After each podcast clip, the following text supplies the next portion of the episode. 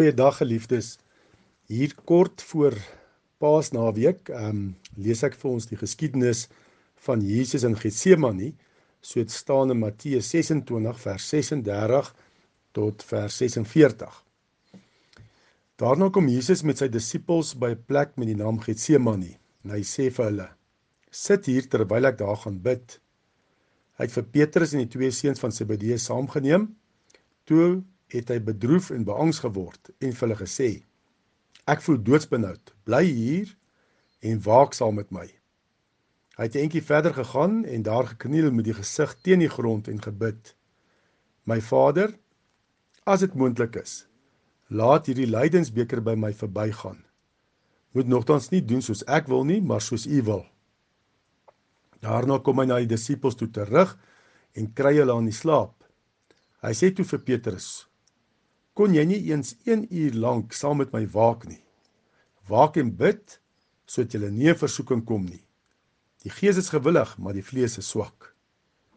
'n Tweede keer het hy gaan bid en gesê: "My Vader, as hierdie lydensbeker nie by my kan verbygaan sonder dat ek dit drink nie, laat U wil geskied."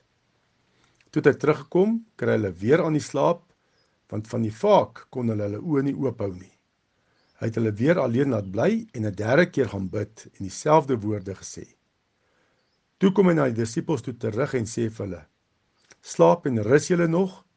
Die uur het gekom. Die seun van die mens word in die hande van sondaars oorgegee. Staan op, kom ons doop. Kyk, die man wat my verraai, is hier naby." Ja, Getsemane bied vir ons 'n baie belangrike en 'n redelike unieke moment in in die Christusverkondiging van die evangeliste. Hier in Getsemane sien ons 'n verandering by Jesus Christus. Die sterke Here is hier bedroef en hy's beangs en doodsbenoud. Hy's ontsteld. Die rustige herder soek steun en gemeenskap by sy skape. 'n mens voel behoorlik om asem op te hou vir hierdie bloedswetende, doodsbeangste Jesus. Hierdie is ook 'n werklike gelaat van Christus wat ons moet sien. In Getsemane sien ons die ware mensheid van Christus soos nêrens anders in die Nuwe Testament nie. Jesus Christus nie net waarlik God nie, maar ook 'n ware mens wat vir ons mense 'n middelaar en verlosser kan wees. Hy het op aarde alles en nog erger deurgemaak wat ons as mense hier op aarde deurmaak en ervaar. Hy weet waardeur jy en ek gaan. Hy soek op aarde as mens werklik versoek en het aanvegtinge geken wat ons ken. Maar nou is die vraag: Waar lê die verskrikking van Getsemane? Wat maak dit so erg dat selfs Jesus sidder en bloed sweet? Was dit dalk omdat hy geweet het dat Judas, een van sy disippels, op pad was om hom te verraai en oor te gee aan sy vyande? Was dit omdat hy pynvol bewus was dat Petrus hom sal verloon, dat die Sanhedrin hom gaan veroordeel? Pilatus hom gaan vonnis. Sy vyande hom gaan spot en vloek en die soldate hom gaan kruisig. Was dit omdat die weg van verlossing soos dit deur die Vader bepaal is dat die Christus verwerp word deur die mense?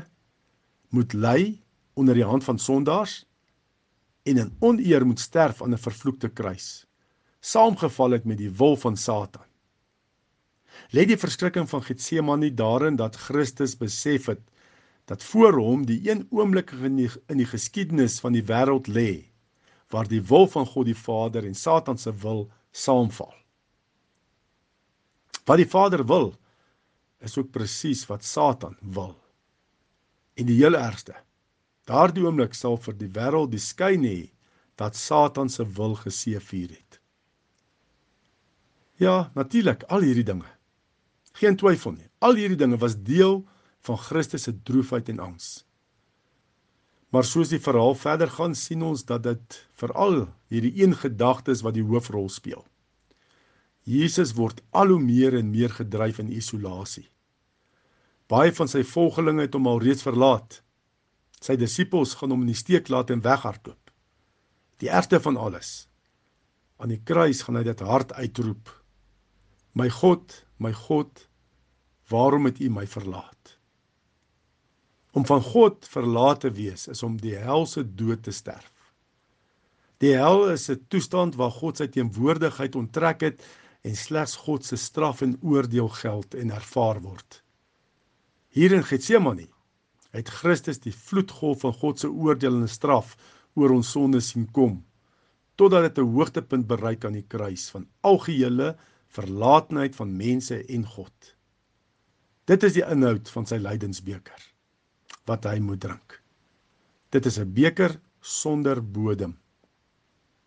Dit bevat die skrik van duisende dode wat in ons plek sterwe.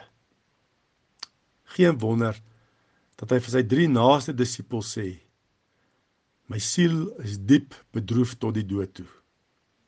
Hy verwys hier nie net na die ellende van fisiese dood nie, maar ook na die ellende van die ewige dood in die plek van sy volgelinge, in jou en my plek.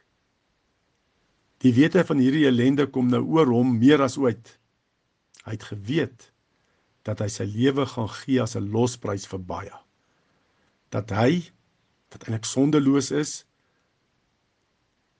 sonde gemaak is in ons plek en gesterf het onder die straffende en toornige hand van God in algehele verlatenheid. Christus sidder omdat hy in Getsemane sien dat op Golgotha die torenbeker van ons sonde moet ledig. En dan sien ons hoe Jesus Christus dit hanteer. Dit die ver, die doodsangs en benoudheid van die lydensbeker wat hy moet ledig. Hoe hanteer hy dit? Hy word geken as 'n man van gebed. Hy het gebid. 3 keer gaan bid. En as dit die Here se wil is, dan wil ek ook ehm um, Vrydagoggend met ons nagmaals erediens kyk na die inhoud van Jesus se gebed. Maar kom ons bid saam. Here ons sê dankie. Dankie dat Jesus doodsangs en benoudheid deurgegaan het in ons plek. Dat hy die lydensbeker gedrink het wat ons almal eintlik verdien.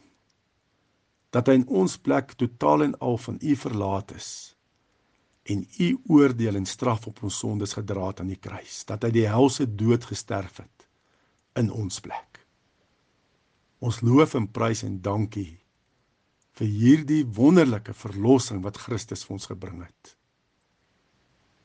En die Heilige Gees kom verander ons harte. Dat ons absoluut ons totaal sal oorgee aan U met groote en diepe dankbaarheid en liefde teenoor U Vader. En ons bid dit in die kosbare naam van ons Here Jesus Christus.